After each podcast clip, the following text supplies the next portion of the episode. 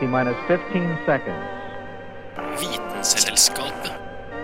T minus 10, 9, 8, 7, 6. We have main engine start. 4, 3, 2, 1, and liftoff. Vitenselskapet. Vitenselskapet på Radio Nova.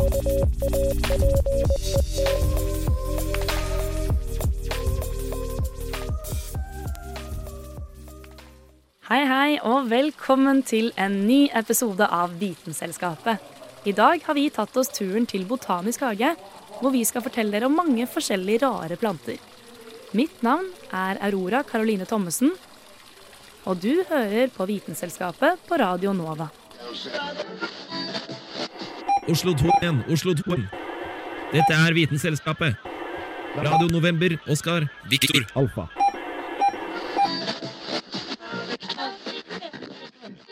Og nå står jeg her sammen med Anna, som har lest seg litt opp på mensenplanten. Ja, mensenplanten, ja. Eller den heter egentlig vinrute, for å være helt presis. Men grunnen for at vi kaller den for mensenplanten, er fordi at den bl.a. kan stimulere undertrykt menstruasjon. Oi, kult. Og den er gul. Ja, som du ser her, så har han gule blomster, grønn stilk, og ser egentlig ut som en helt vanlig plante. Denne planten kan faktisk stimulere og kurere mange sykdommer. Den kan bl.a., ja, som jeg sa, stimulere livmoren til å få i gang menstruasjonen. Den er også abortfremmende. Oi. Og den er også avførende. Så det er litt av hvert. Så det er litt, men det er en liten sånn uh, Alt skylles på en måte ut, da. Ja, på Ja. en måte. Og den heter vinrute fordi at uh, før, tidligere, så ble, han, så ble denne urten tatt sammen med vin. Og brukt mye krydder i vin. Det vitenskapelige navnet er egentlig graveolens, som egentlig betyr ubehagelig lukt. Fordi den har veldig sånn distinkt sterk lukt hvis du okay. lukter på den. Og I middelalderen så var vinrute regnet som en av de viktigste medisinplantene. eh, og Derfor ble den dyrket ganske mye over hele Europa, egentlig. Eh, og På den tiden så var planten også knyttet til veldig mye overtro og magi. Eh, man mente at den beskyttet mot djevelen, hekseri og magi. og brukte bl.a. denne planten til å drive ut djevler i kirken. da. Um, og man sa også på den tiden at hvis man spiste vinrute, så kunne man bli klarsynt og se inn i fremtiden. Men det her er bare myter, så Ja, Kule myter, da. Om en liten blomst. Men eh, i dag så er vinrute i medisin eh, hovedsakelig brukt til å få i gang menstruasjon hos kvinner. Og det er fordi at den inneholder en eterisk olje som er veldig rik på et eh, stoff som heter metylnonketon. Og det er dette stoffet som sammentrekker livmoren og setter i gang menstruasjonen. Så dersom du da har problemer med mensen, eller undertrykt mensen, så kan du, sies det da, eh, drikke urtete av denne vinruten eh, en uke før du forventer å ha mensen. Men som i navnet vinrute, så blir den også brukt i mye krydder, og bl.a. vin også. Og for å smaksette masse vin og alkoholholdige drikker. Men den er også, som du ser på skiltet her, det står jo 'ikke berør'. Ja. Og det er fordi at den er giftig. OK. Ja. Så hvis man skal ta i bruk denne planten, så er det veldig viktig å ikke selvmedisinere seg, fordi dosen mellom terapeutisk dose for å sette i gang menstruasjon og forgiftning er veldig nær. Uh, og gravide kan ikke bruke det fordi det er abortfremmende. Og den er jo giftig, så hvis du skal høste denne planten, så må du bruke hansker, fordi denne eteriske oljen som vi snakket om, kan gjøre at du får blemmer, utslett og hovner opp og får feber. Eh, og disse allergiske reaksjonene kan også føre til åpne sår og veldig vanskelig for å gro. Og da dødsfall har også forekommet eh, tidligere ved at folk har inntatt denne planten i høyere doser. Og det er veldig mange, dessverre, ulykkelige dødsfall blant kvinner som har prøvd å ta abort ved å inntatt denne planten. Så det er på en måte bra at ikke den vinen som er laget i disse urtene, også eh, er tilgjengelig for gravide. Da, på en måte, I og med Ja. at gravide ikke skal drikke når de er Ja, gravide. Absolutt. Ja, Absolutt. OK, men tusen takk. Veldig kul plante, altså. Ja, absolutt. Vitenselskapet. Vitenselskap. Vitenselskapet. Vitenselskapet. Vitenselskapet.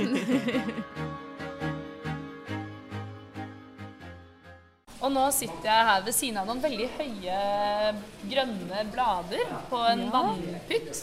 Ja, det er jo litt rart, for vanligvis ser man jo ikke så mye planter i vannet.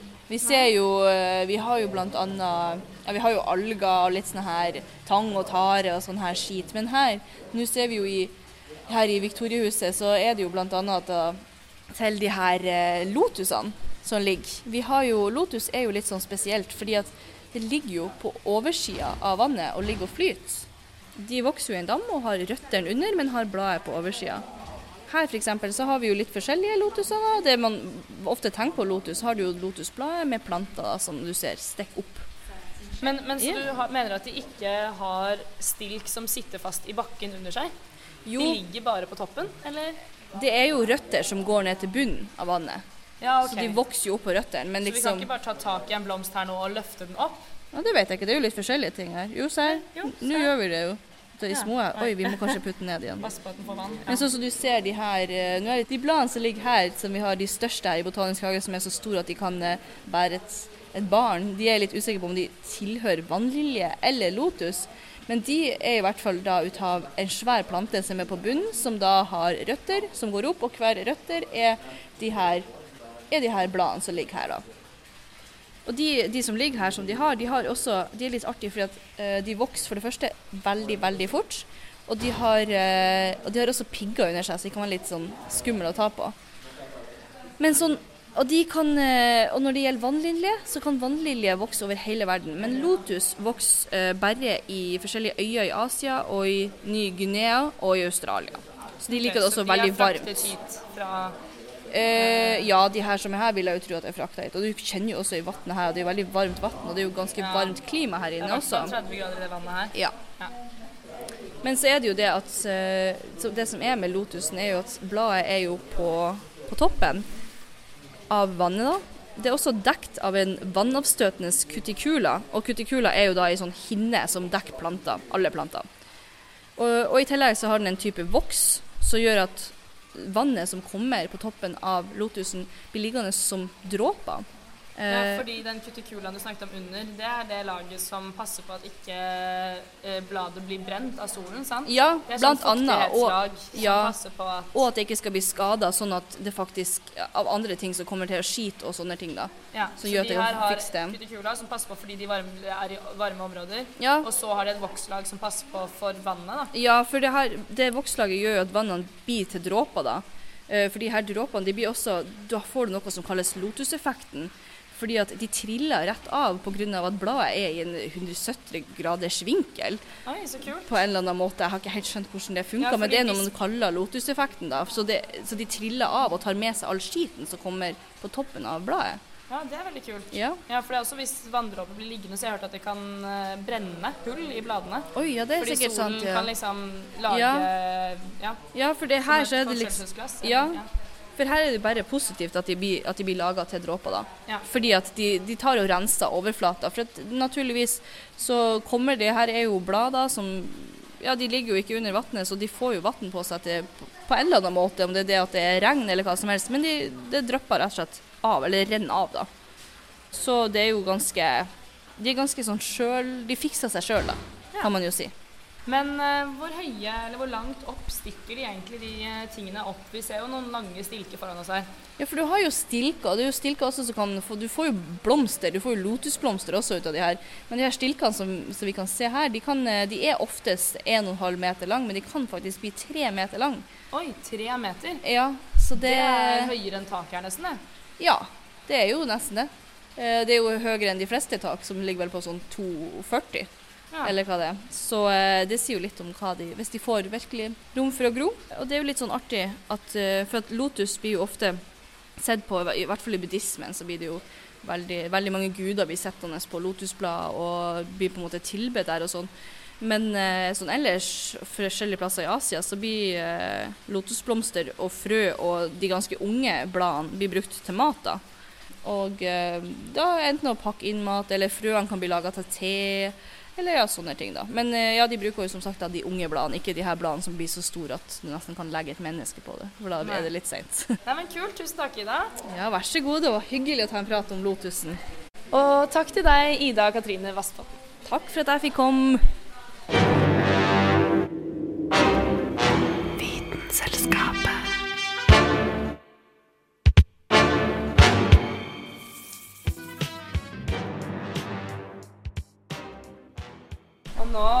beveger vi oss inn i et nytt rom, eh, Dag. Ja, og dette er jo epifyttrommet.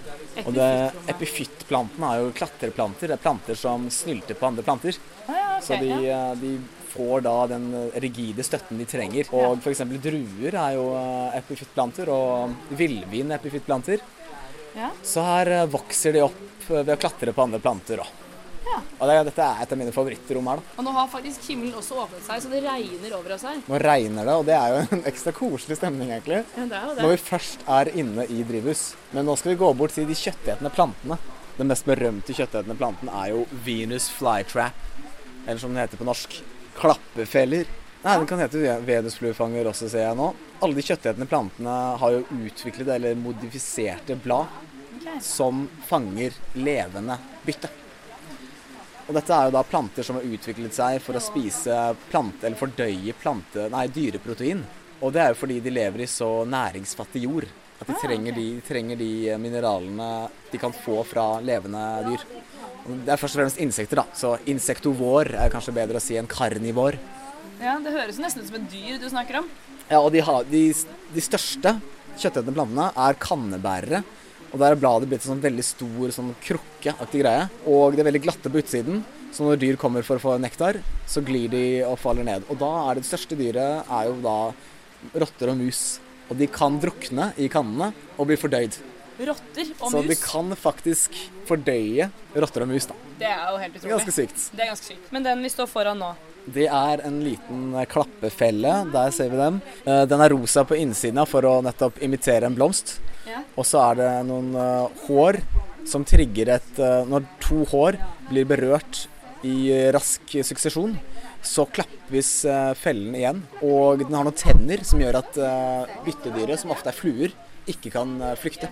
Ser ut som det er noen tenner der som griper deg. Det er derfor den er så berømt, fordi den ser så skummel ut. Den er bare farlig for fluer og ofte flyvende insekter. da. Men selv om den ser skummel ut sånn fra vårt ståsted, så ser den fortsatt fristende ut for en flue. Ja, fordi de vil jo ikke kjenne igjen denne potensielt dødelige funksjonen. Så vi bare lander der, fordi de, de produserer jo nektar. Ja. Og litt av den nektaren går til eh, kun forlokkelseskunsten. OK, lukt, da. Eller Lukt, ja. Lukt og, så de, eh, hvis de er kjappe, så kan de sikkert få seg litt nektar, men eh, hvis ikke, så blir de bare fanget i en tidlig død. Men vokser disse kjøttetende plantene naturlig i Norge? Ikke i Norge, men vi har faktisk kjøttnøttende planter i Norge. Klisterfeller er jo da soldog, som det heter på norsk. De Sol- vokser i Norge. Soldag, ja. Og de er jo hvis man, de er formet som sånne lange stilker med klebrige små hår, Ja, Den var jo riktig vakker. med dråper på ytterst. Og så lander da fluen eh, eller andre insekter, og der nok en gang så får de nektar. Jo mer insekter prøver å komme seg løs, som det står her, jo mer vil de bli fanget av hårene. Og så vil faktisk soldoggens blad sakte, men sikkert krumme seg rundt insektet og begynne fordøyelsesprosessen mens insektet fortsatt er levende. Skummelt er nesten som et spindelvev. Det er som et liksom når du først blir fanget, og du begynner å turre på deg, så bare fanger den deg mer og mer. Ja, akkurat. Ah, Og det er jo da måten denne soldoggen vet at det er et potensielt bra bytte, er jo nettopp at jo mer den beveger seg, jo mer lukker den seg, og jo mer bekrefter planten da at det er et bytte som skal fordøye. Men eh, det som jeg lurer veldig på nå, da, er hvordan disse plantene klarer å få liksom, Hvordan får de dette svære flua inn? Det er ikke helt andre måter å gjøre dette på enn en vi, da. Ja. Fordi for eksempel så bruker noen av de kjøttetende plantene De får hjelp fra bakterier okay. som da lever i, i dem, og som hjelper da med å bryte ned byttet. Ja. Fordi det er jo ikke så avanserte fordøyelsessystemer som vi har. Nei, de har ikke en munn. Det er ikke en munn. Nei. Du kan si at det er mer sånn funksjonalistisk. Altså de har, de har funksjoner som kan minne om vår, vår munn, da, men det er jo helt andre typer systemer. Men det kule, som du var inne på, eller som du hintet til, er at de blander fotosyntese, som de selvfølgelig har, siden de er planter, med fordøyelse av, av Så det, dyreproteiner. så dette er nesten en kombinasjon av et uh, dyr og en plante. Ja, hvis du tar definisjonen på dyr at de spiser eh, andre dyr. Ja, det som er så interessant, er at kjøttetende planter har utviklet seg seks eh, forskjellige ganger i løpet av evolusjonshistorien. Det er jo nesten konvergent evolusjon, at man, altså at forskjellige arter utvikler lignende trekk, eller lignende type måter å, å gjøre ting på. Sånn som flaggermusvinge og fuglevinge er helt forskjellige, forskjellige typer vinger. Men det er likevel vinger. Da. Og det er et eksempel på konvergent evolusjon. Altså det er 600 arter uh, kjøttetende planter. Og, Og ingen, ganske kult. Altså. ingen lever naturlig i Norge. Jo, tre lever naturlig i Norge. Soldog er en av dem, som vi nettopp snakket om. Ja. Så her står det jo Er det kjøttetende planter i Norge? På plansje dere i Epifytt-huset i Botanisk hage. Ja! Utropstegn! Vi har tre slekter og totalt tolv arter i Norge. Tettegras har rosetter med klebrige blader som klistrer fast insektene. Soldog har rødfargede, klebrige kjertelhår. Blærerot er vannplanter med luftfylte blærer.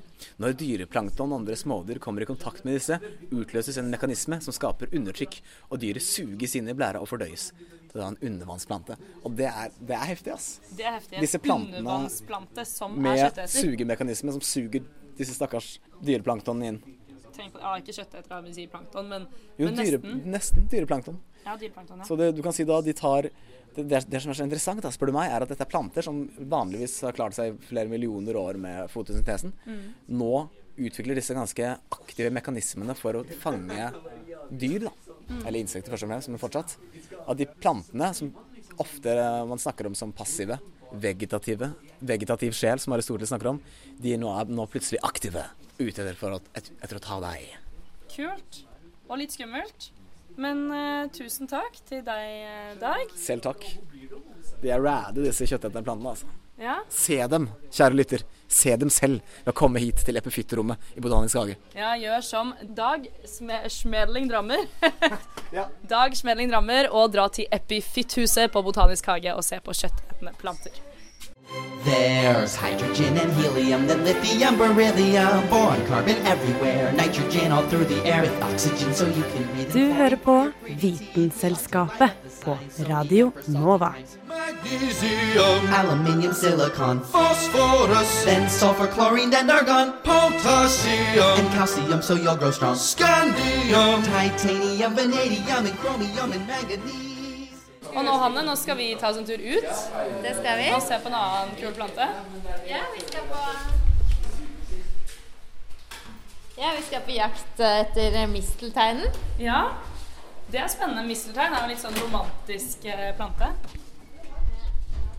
Ja, det er jo egentlig en engelsk eh, tradisjon, en juletradisjon, at når man eh, når man henger mistelteinen eh, over en dørkarm og en kvinne står under den i jula, så er, kan enhver mann gå og kysse henne, og da må hun ta imot det kysset. Ja. Hun må, hun får ikke lov å si nei. Nei, hun får ikke lov til å si nei, så det er jo ikke så bra, egentlig. Nei. En litt dårlig ting ved mistelteinen. eh, en annen ting som er litt dårlig, er at den er litt vanskelig å finne. Nå har jeg gått rundt her i Botansk hage og følt meg litt sånn som eh, Frigg i norrøn mytologi. Oi, ok, ja. Eh, fordi eh, Frigg, hun, eh, hun fikk i sin tid eh, alle planter og trær og metaller til å love at de ikke skulle skade den gode Balder. Okay, ja. Eh, men eh, ifølge mistelteinen kommer snart, altså. Fordi ifølge mytologien så overså hun denne mistelteinen, for den vokste så høyt oppi et eiketre at hun ikke så den. Så mistelteinen den lovet ikke at den skulle la være å skade Balder. Og da kom jo slemme Loke og lagde en pil eh, av mistelteinen og fikk eh, Balders blinde bror Hod til å skyte eh, Balder. Han lurte Hod, da. ja. Eh, skyte og drepe Balder, og det var starten på Ragnarok. Ehm, men jeg har med meg en kvist av misteltein. De vokser i baller høyt oppi trær. Ja. Eh, og det er fordi de rett og slett er halvparasitter. Det vil si at de eh, suger seg fast til et eh, vertstre. Det kan være et eiketre eller en eh, lønn eller en lind. Eh, Et pæretre suger seg fast eh, og suger da vann og næring fra vertstreet. Men det er ikke en helparasitt fordi mistelteinen har sin egen fotosyntese. da. Ok, ja. Så, så mistelteinen den vokser aldri liksom på bakken eller for seg selv. Den vokser alltid på et tre. Om vinteren så har de også hvite bær. Her ser du liksom en sånn ball da, som vokser uh, høyt oppi uh, Kult, men det, så det, ja, det er da mistelteinen som er sin egen plante på Mm. Ja. toppen av treet? Ja. Nesten som en sånn julekule. Ja. Bare litt stor. Ja, eller liksom som et rede, da. Ja. Så, så det er jo ganske kult. Men er det noen dyr som har brukt det som rede noen gang? Eh, det vet jeg ikke, men fugler de er jo veldig glad i i hvert fall bærene til mistelteinen. Så de spiser bærene. Eh, og så inneholder bæret et sånt klissete stoff som heter visin. Som beskytter eh, på en måte eh, kimplanten da, fra, fra, gjennom tarmsystemet til fuglen. Så kimplanten kommer intakt ut. Og når fuglen bæsjer, så fester Så er på en måte bæsjen klissete pga. dette slimstoffet. Eh, og da fester eh, kimene seg til eh, alt det treffer, da. Så hvis det treffer noen greiner, så kan det hende at det kommer en misteltein der. Eh, men det er ikke så mange steder i Norge som har misteltein. Altså, det er noen trær her i Botanisk hage. Eh, og ellers er det veldig mye av det i Horten. Eh, Hvorfor det? Er det noen spesiell grunn? Klima? ja, jeg tror det er fordi det er litt, generelt et litt sånn varmt klima der. Eller det er liksom en sånn klimalomme, da, som uh, mistelteinen har funnet ut at den trives veldig godt i. Eh, problemet litt i Horten er jo at det er så sykt mye misteltein. Fordi de fleste trær har sånn én eller to baller med misteltein. Og det takler treet greit. Men i Horten så kan det være sånn 20-25 baller i ett tre. Og da så kommer treet til å tørke ut da, og dø i løpet av 5-20 år. Ja, fordi misteltein stjeler vannet til treet. Ja. Ja. Men det er jo fortsatt ikke lov til å felle trær eller ta vekk misteltein fra trær, fordi misteltein er freda. Eh, og det er faktisk det første planten som ble freda i Norge. Oi. Så selv om på en måte, livs, altså, arten er livskraftig og egentlig ikke trua, men er allikevel freda, da. Så hvis du feller et tre med misteltein i, så i hvert fall i Horten kommune så får du 30 000 kroner i bot. Ja. Mm, så det vil man jo kanskje styre unna, da. Ja.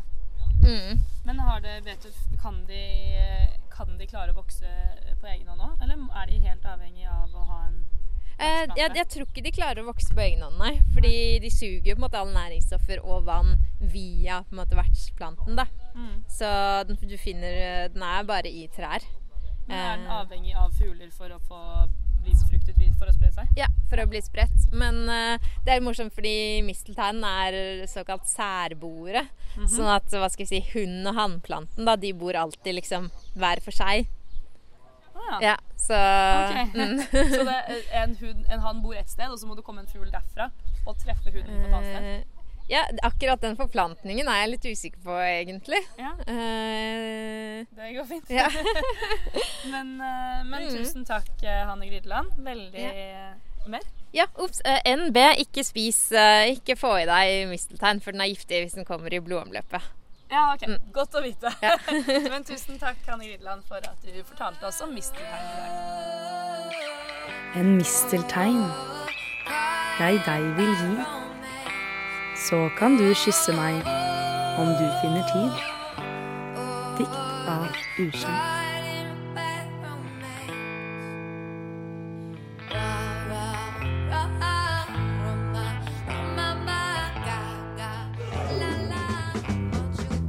Vitenselskapet. Vitenselskapet på Radio Nova.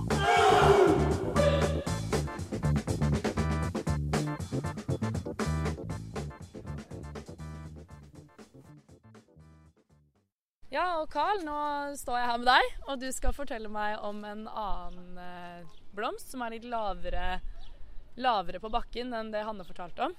Ja, den er litt eh, lavere både metaforisk og fysisk, fordi det er jo stort sett eh, ansett som et ugras, det jeg skal prate om, nemlig løvetann. Og jeg ser meg rundt i Botanisk hage her, og her har de vært veldig flinke til å luke, fordi jeg ser ikke en eneste løvetann. Nei, det er faktisk ikke jeg heller. Men uh, løvetann er en ganske spennende blomst. Uh, det som løvetann er best kjent for, er jo uh, at når høsten kommer, så blir de hvite i toppen. Og så kan du blåse på, ikke sant? Det kan hende du vet det, men det som er målet med den hvite delen her, det er at det er frø. Så eh, når vinden kommer og tar dem, så får du spredd det veldig fort utover. Og derfor har oss løvetann overalt. Da. Og eh, grunnen til at det kan funke så bra, er at eh, løvetann er, formerer seg aseksuelt. Så eh, Trenger ikke en hann og en hund. Du trenger ikke noe han eller noe ho. Det er ikke noe pollinering eller noe sånt noe. Det er ei rein klone av morplanta som da blir skutt ut i alle kanter. Og oss får en haug med nye løvetenn. Vet du hvor mange frø det er per hode når man blåser?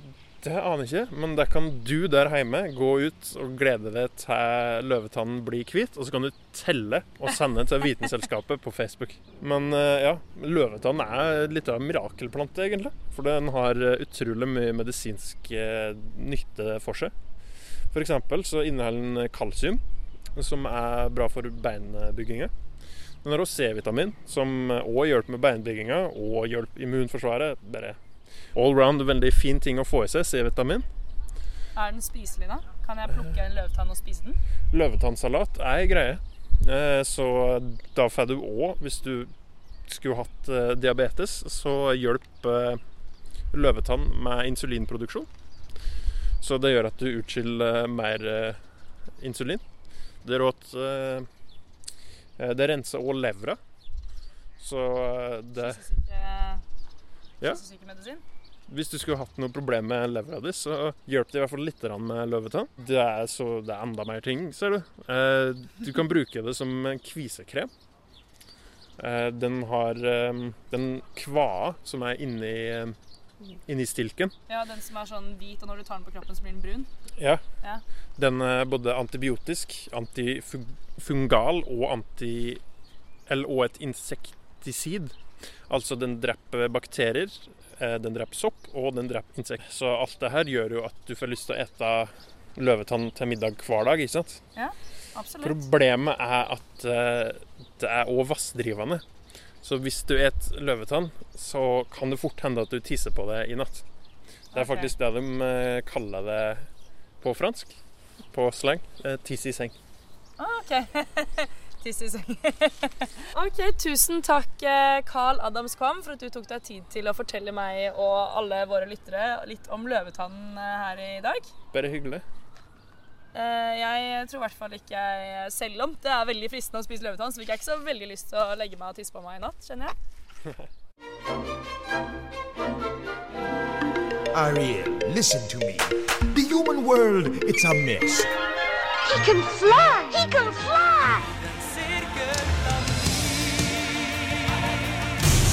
Disney in real life.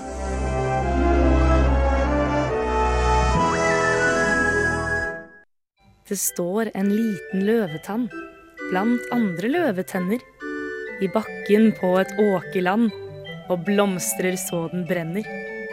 Den har slått ut sitt gule hår på toppen av seg selv, for av en bustet knopp i går er det blitt blomst i kveld.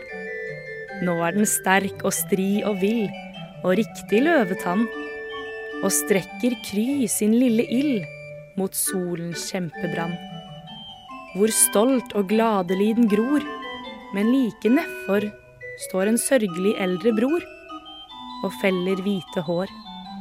Slik venner farer livet med all verdens løvetenner. Først blir de ild, så blir de sne, og siden gamle menner. Og dette var et dikt av Inger Hagerup kalt Løvetannen.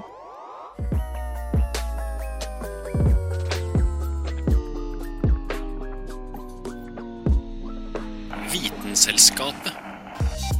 Og det var alt vi hadde fra Vitenselskapet for denne gang. Tusen takk til Hanne Grydeland, Anna Vik Rødseth, Ida Katrine Vassbotn, Carl Adamskvam og Dag Schmedling-Dammer for at dere gadd å bli med meg på en spasertur i Botanisk hage.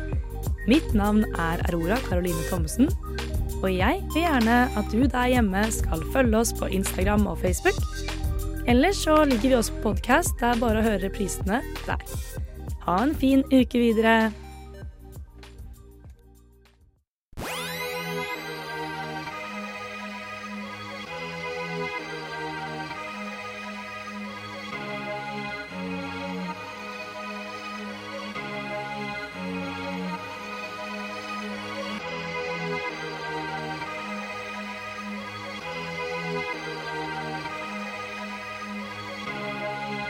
Siden 1982 har Radionova gitt deg favorittmusikken din, før du visste at du likte den.